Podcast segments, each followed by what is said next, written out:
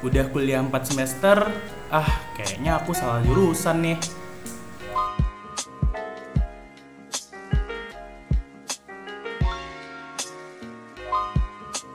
Selamat datang di podcast Hapo, where happening and phenomenal observe will be discussed. Because we talk and just talk.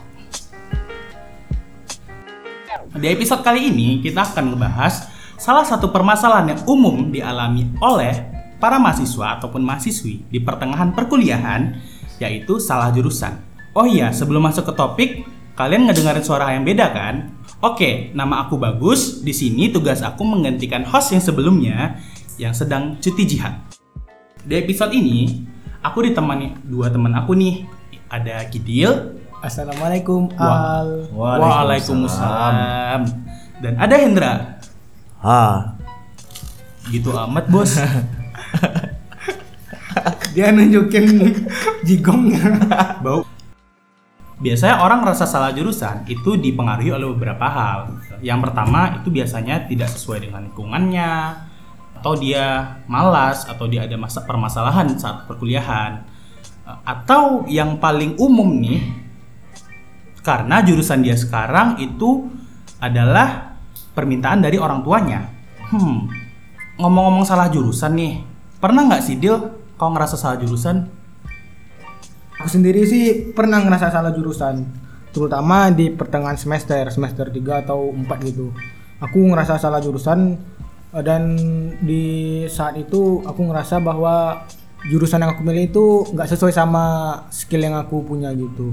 Ekspektasi awal aku masuk perkuliahan itu aku bisa nguasain semua ilmu yang ada di jurusan itu.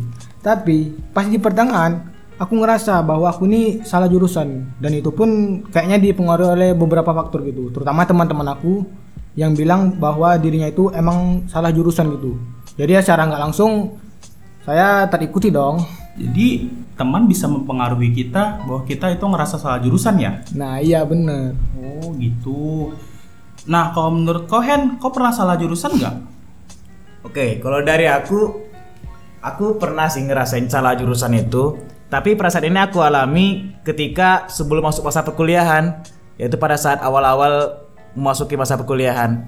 Jadi kasus aku itu seperti ini. Ketika aku ingin masuk ke suatu universitas, kan itu ada ujian masuk universitas tuh. Jadi eh, pada saat ujiannya ini yaitu ujian SBMPTN, aku tuh terlalu pede nih dengan pilihan pertama aku berada di kampus A lah misalnya kan dengan dengan jurusan A. Jadi ya karena itu aku tidak terlalu memperhatikan dengan pilihan-pilihan yang lain. Jadi ketika aku mengisi pilihan yang ketiga itu aku hanya asal isi jurusan aja. Yang penting aku pilih jurusan yang ada di daerah aku. Ya terserah aku aja tuh, pilih asal pilih aja. Dan ternyata aku tuh lulus di pilihan ketiga ini yang di mana jurusan ini aku tuh emang tidak tahu sama sekali apa jurusan ini apa yang dipelajari prospek ke depan gimana jadi ya inilah ada perasaan terbesit dalam hati aku ya kayaknya aku salah jurusan nih seperti itu kalau dari pengalaman aku Oh jadi kalau dari kasus Hendra dia itu ngerasa salah jurusan karena dia dapat jurusan di pilihan pelengkap ya? Iya. Kayak istilahnya pilihan akhir ya. pilihan akhir Oh jadi kalian pernah ngerasa salah jurusan? Kira-kira ada nggak orang di sekitar kau Hen yang pernah cerita ke kau bahwa dia itu ngerasa salah jurusan? Kalau dari teman-teman aku sih ada sih beberapa teman-teman aku yang ketemu itu mereka itu ngerasain kalau mereka ini emang salah jurusan gitu. Jadi ada di antara beberapa dari mereka yang memang sudah merasakan salah jurusan dan akhirnya mereka itu pindah ke jurusan yang lain atau pindah ke kampus lain. Ya, aku tidak menyalahkan keputusan mereka tersebut selama keputusan mereka tersebut itu ya bisa mereka pertanggungjawabkan dengan segala konsekuensinya. Dan ada juga beberapa teman aku yang memang merasakan kalau dia itu nggak cocok nih berkuliah di jurusan tersebut dan mereka sampai sekarang ini tetap bertahan juga. Ya, mungkin itu memang mereka sudah memiliki motivasi dalam diri mereka walaupun sulit apa perkuliahan mereka, ya mereka tetap menjalaninya. Jadi seperti Oh. itu. Jadi itu pilihan mereka ya. Iya. Kalau menurut kau Dil, ada nggak yang pernah cerita ke kau bahwa mereka itu ngerasa salah jurusan? kalau dari teman-teman aku sih yang aku dengar selama ini itu ada yang ngerasa salah jurusan itu jadi dia bilang bahwa "Ah, aku ini sebetulnya bukan di jurusan ini karena kemampuan aku bukan di sini aku masuk jurusan ini cuman karena ya nembak-nembak aja gitu. Tapi menurut aku sebetulnya dia ini bukan salah jurusan gitu. Emang dasarnya malas saja. Jadi ya mau di jurusan mana pun dia bakal ngerasa salah jurusan gitu. Ya dia pun di dalam kelas pun orangnya itu ya diem aja gitu dan pas dosen nerangin itu dia nggak merhatiin jadinya dosen minder gitu ini bukan dia yang ngerasa salah jurusan tapi dosennya, Dosennya ngerasa salah salah, jurusan ya kayaknya. bukan ngerasa salah jurusan Waduh, gimana ceritanya?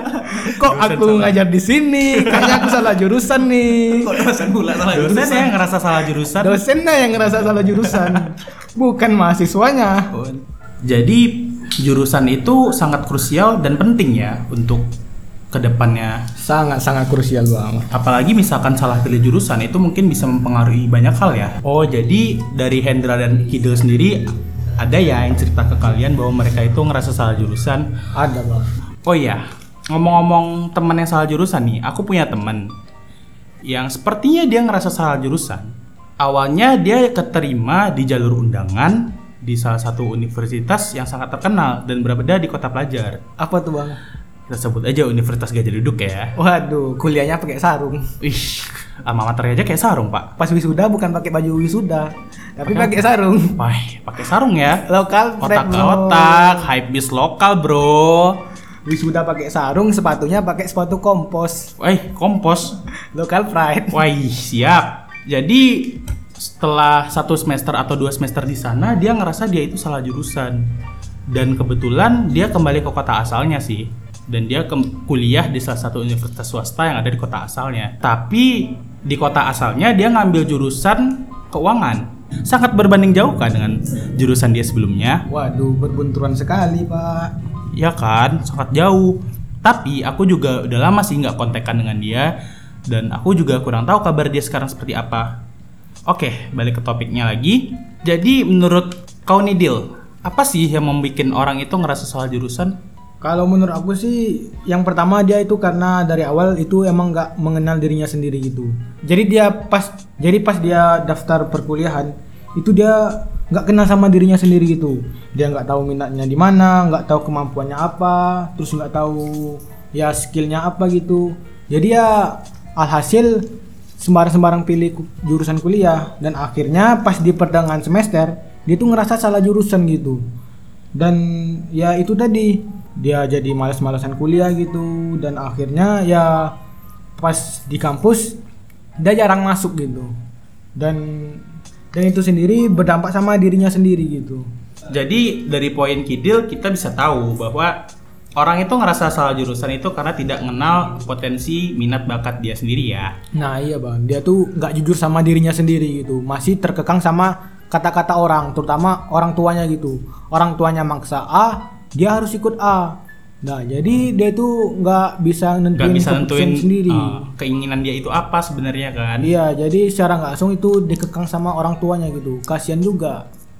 Nah, kalau menurut kau Hen, gimana sih?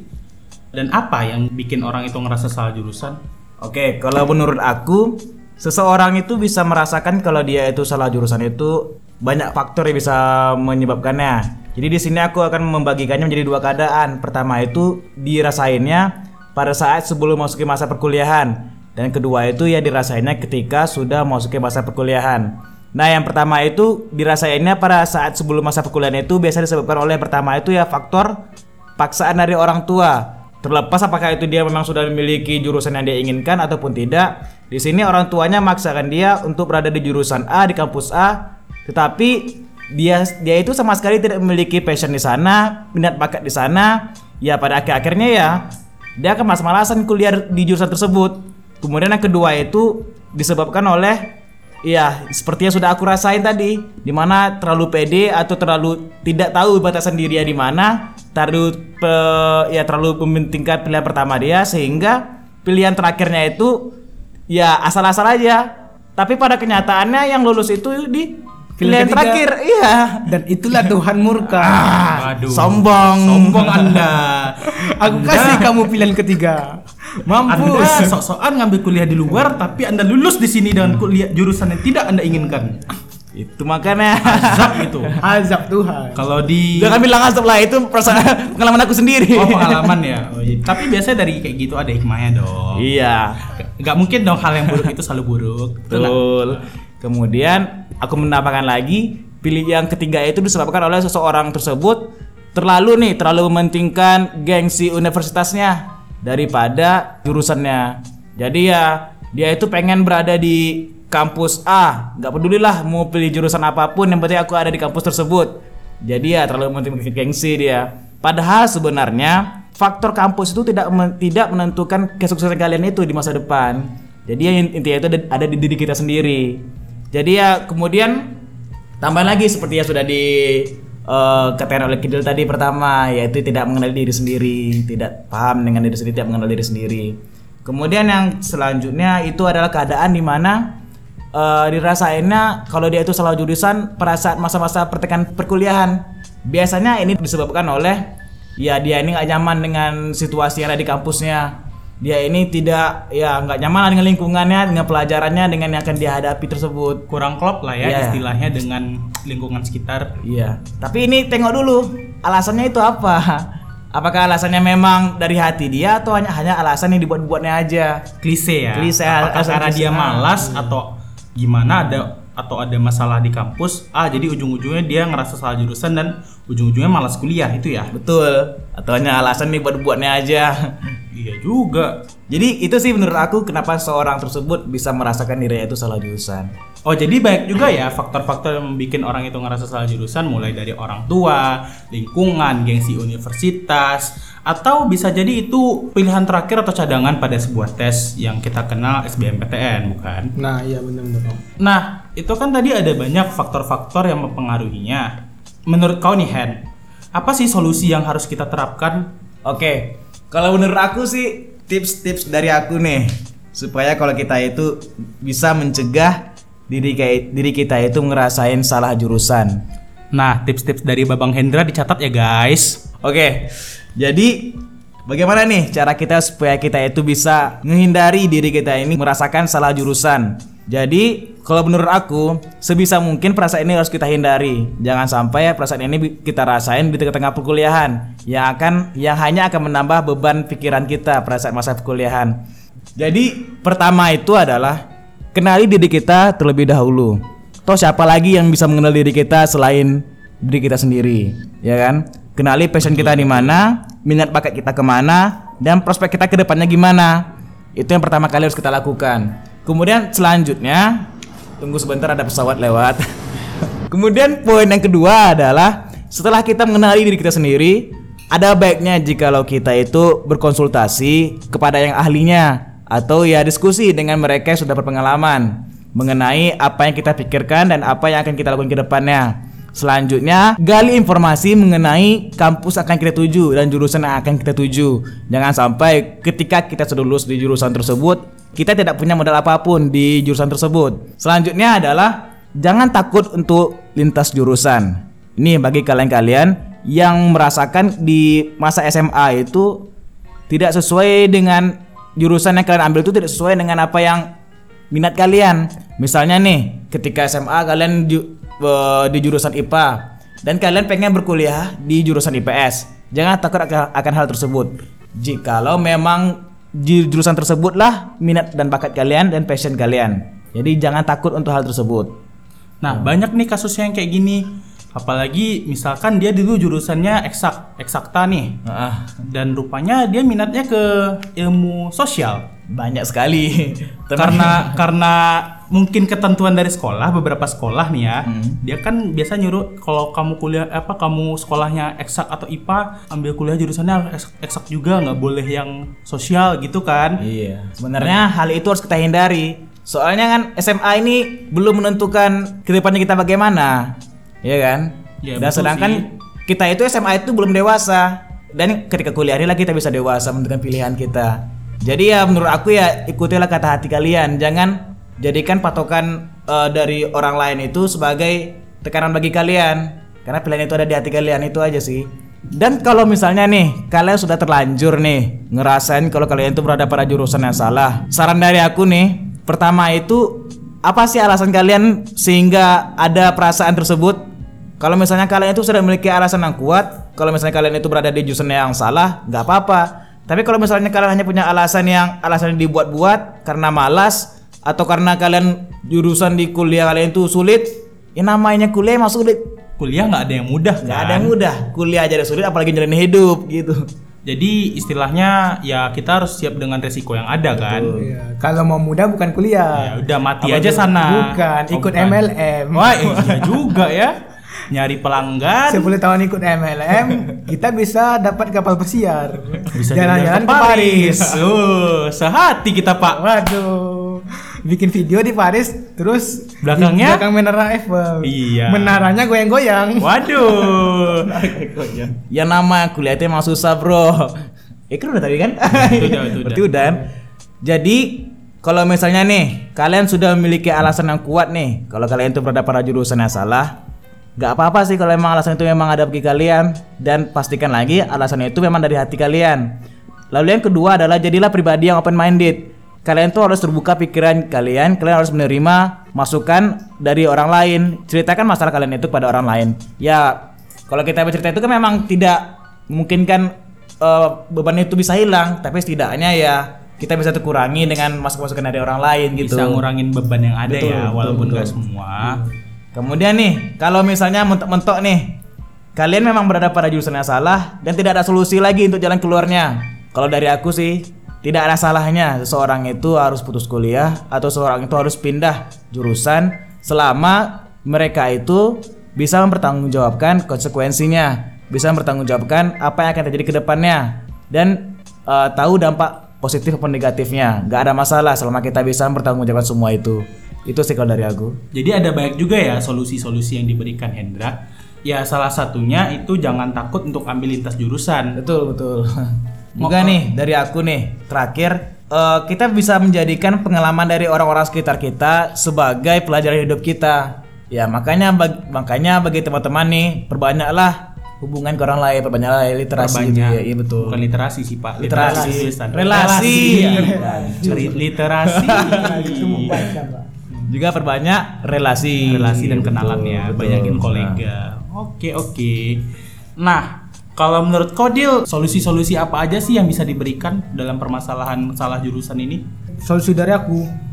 Yang pertama itu aku setuju sama pendapat Hendra yang pertama tadi. Kalau yang dia bilang bahwa kita itu harus sebelum milih jurusan kita itu harus kenal sama diri kita sendiri gitu. Dan ya kita itu harus jujur sama diri kita dan jangan kita ikut kemauan orang gitu. Karena yang ngejalanin itu kita bukan orang lain. Kan nggak bisa kita kuliah tapi diwakilin orang lain. Betul. Iya dong, nggak Beda mungkin lagi dong dong. joki kuliah. Waduh. Nggak joki joki kuda aja yang ada.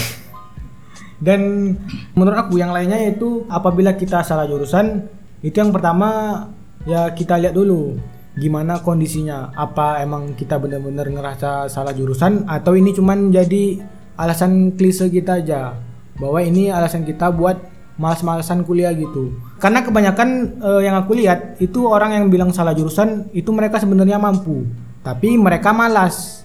Dan salah jurusan ini mereka jadikan sebagai alasan kuat buat mereka untuk tidak masuk ke kelas gitu.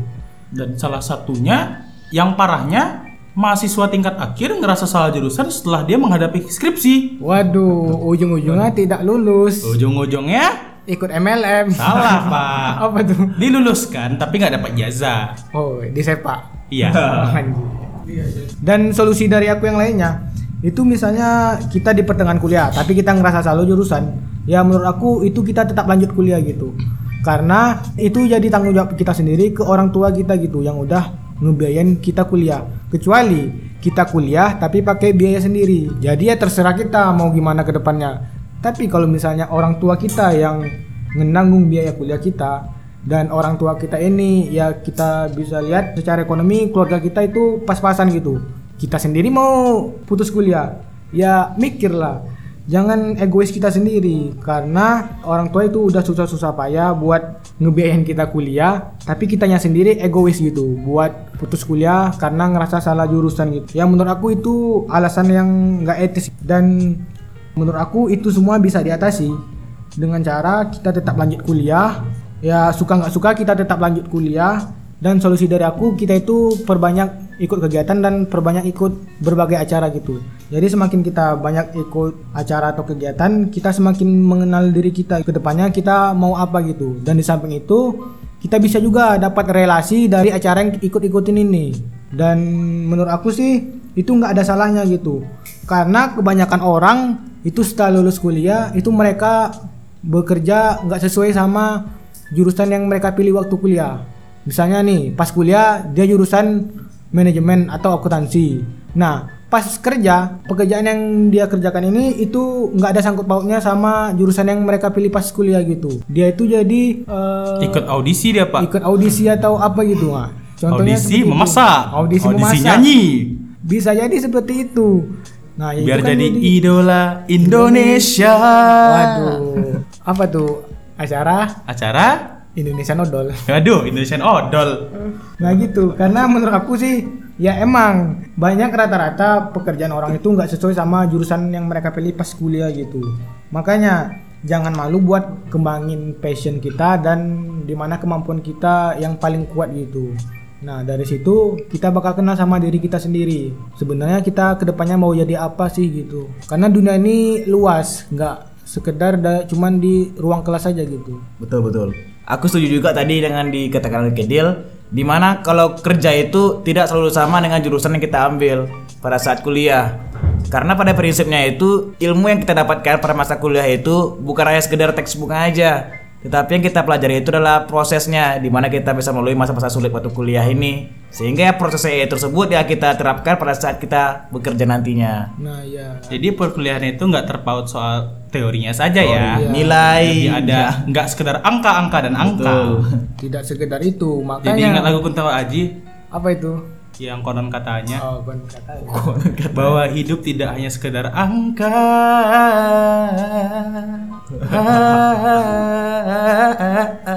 maklum maklum ngebet karaoke. Oke, jadi banyak juga ya solusi yang udah diberikan Kidil dan Hendra berupa jalanin aja kul- perkuliahannya sampai selesai.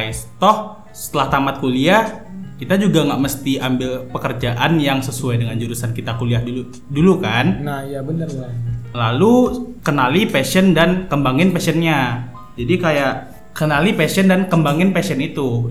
Buktikan bahwa kita bisa sukses dengan passion kita tersebut. Betul nggak? Oh, iya, betul sekali. Dan yang terakhir atau berhenti dan pindah kuliah dan siap dengan konsekuensi yang ada Eh, kayak diomongin orang, ya orang tua jadi sedih, kayak kayak gitu kan. Iya, terutama omongan tetangga. Karena omongan tetangga itu Lebih pedas daripada cabe. Waduh.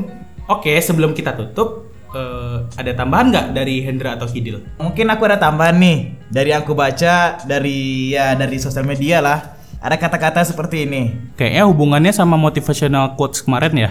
Sangat berhubungan dengan episode pertama. Betul. Silahkan dengarkan episode pertama bagi yang belum dengar. Jadi gini yang aku baca. Memasuki masa perkuliahan itu sama seperti kita memasuki hutan belantara. Di mana kita tidak pernah tahu jalan yang kita ambil itu adalah jalan yang benar yang akan membawa kita ke jalan keluar ataukah jalan yang kita ambil itu hanyalah jalan yang akan membuat kita semakin tersesat. Jadi seperti itu juga lah hidup. Kita tidak akan pernah tahu ke depannya kita akan bagaimana. Jadi bagaimana kalau kita ingin mendapatkan jalan keluar di dalam hutan yang belantara tersebut? Yaitu gunakanlah kompas. Apa itu kompas? Kompas adalah merek Kayaknya Kompas kayak lagu salah satu anime kesukaan aku sih. Maaf ya, host, host yang ini agak dikit. De- demen anime. bangga kompas? Gak tahu. Lagu fairy tale, Pak. Na na na na na na na na. Kompas. Lagu aku kali ya. Tsunami tsunami. Saya tidak ada kompas. Tolong bawang. Jadi gini, apa itu kompas? Kompas itu digunakan sebagai petunjuk. Maka dalam hidup ini carilah petunjuk dalam hidup kalian Yang di mana dengan petunjuk tersebut bisa meningkatkan kemauan kalian untuk berjuang untuk menjalani hidup ini Itu sih kalau dari aku Dari Kidil ada tambahan nggak? Ya tambahan dari aku sih kita jangan pernah ngerasa bahwa hidup kita ini yang paling buruk atau yang paling sulit gitu. Karena balik lagi ke konsep agama dalam Islam ini ya. bahwa segala sesuatu yang kita lakukan itu pasti ada manfaatnya. Allah itu tidak akan memberikan cobaan di luar batasan kemampuan umatnya gitu. Jadi ya tetap kita jalanin dan stay strong aja gitu. Oke, sekian podcast pada episode kali ini. Terima kasih buat teman-teman yang meluangkan waktunya untuk dengerin podcast ini. Dan tunggu episode tentang hal menarik lainnya, because we thoughts and just talk. Dadah, sampai jumpa di minggu depan.